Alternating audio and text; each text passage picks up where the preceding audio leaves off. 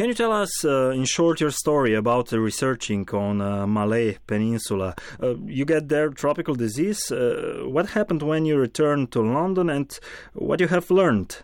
Uh huh. So I went to uh, Malaysia to do some research on bats, um, and I was working in a tropical forest, and I got bitten one night by a lot of ticks. Um, and at the time I was okay, but a short while later I fell ill and I didn't know what was wrong, um, and I suffered for quite a few years before I finally discovered that I had been infected by these ticks. And then I was given um, a long course of lots of different kinds of antibiotics to try and clear the infection, which gave me problems like joint pain and uh, muscle pain and, and fatigue. And um, I did manage to clear the infection, but I noticed towards the end of the antibiotics that I was getting all sorts of other problems. Uh, so I had skin problems, I d- developed allergies, I kept getting infections, that kind of thing. Mm-hmm. And um, I started to look into the possibility that um, that was because of the antibiotics and because um, I had damaged my good bacteria. And at that point, that's pretty much all I knew that I had some good bacteria and that maybe they'd been affected by the antibiotics. Um, and as I looked into it, I realised that actually there was this huge new area of science opening up. Mm-hmm. Um, that was it was not just about good bacteria in the sort of um, probiotic yogurt kind of way, but a huge, a hugely detailed and nuanced set of um, uh, ways in which these microbes that live in us actually intricately affect our health um, from our immune systems to the way our metabolisms process our food, um, and all sorts of, and even to our brain function. Mm-hmm. Uh, and at that point, I thought this is fascinating, and I just want to know more. Uh, and I thought I would uh, try and write a book on it. Mm-hmm. Can you tell us what is uh, the most exciting fact about our body's microbes from your point of view? Maybe um, unknown uh, fact.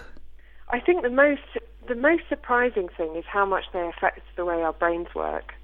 Um, so when you eat, the food goes in through your gut and it reaches your microbes, and your microbes then convert that food into anything that's left over from from your digestion. They convert those molecules into new molecules, and some of those are the equivalent of um, what are called neurotransmitters, which affect your brain. So they're little chemicals that instruct your nerves to send messages around your body. And those can tell, can make you um, happy. They can make you sad. They can um, make you clear thinking. So all of those those impacts on your brain are really astonishing, and they go some way to account for things like the massive rise in um, rates of depression. If people are eating foods that aren't so good for them, particularly a low fiber diet, then they don't produce those compounds in their guts and then their guts can't signal to their brains that they should be happy.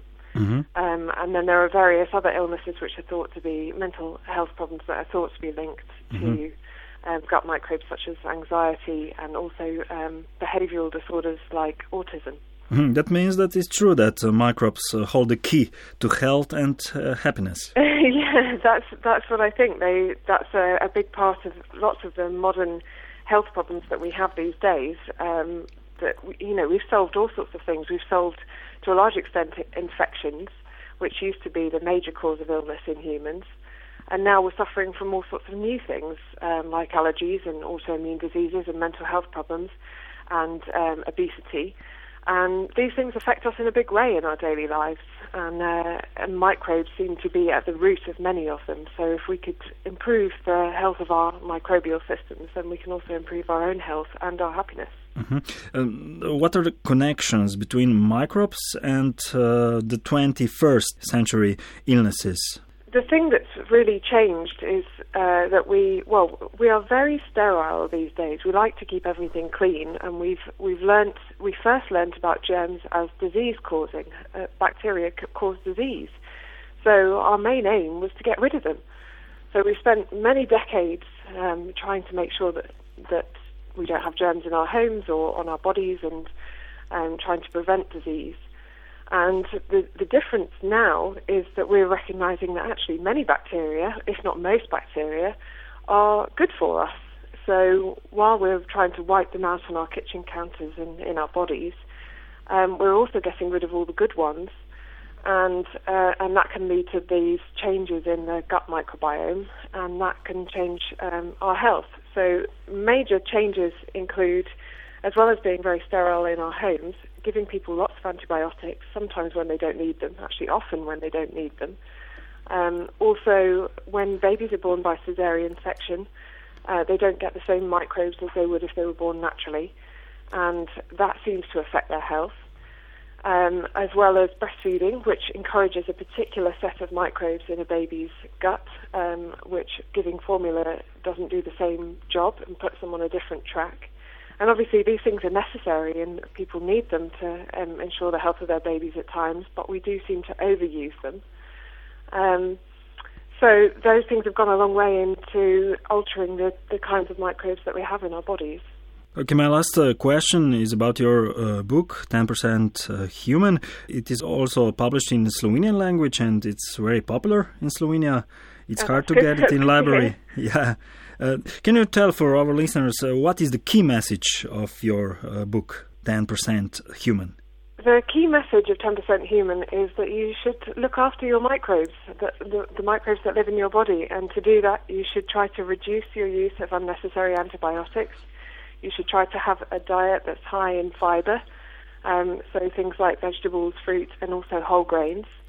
And if you're going to be a parent, you should do your best to uh, breastfeed your baby and to give birth naturally if you can, if you can have any control over it, and and that should help your child's uh, microbes to grow into a healthy community as well. Great. Uh, thank you very much once All again, right, and have a nice day. Yes, you too. Thanks very much.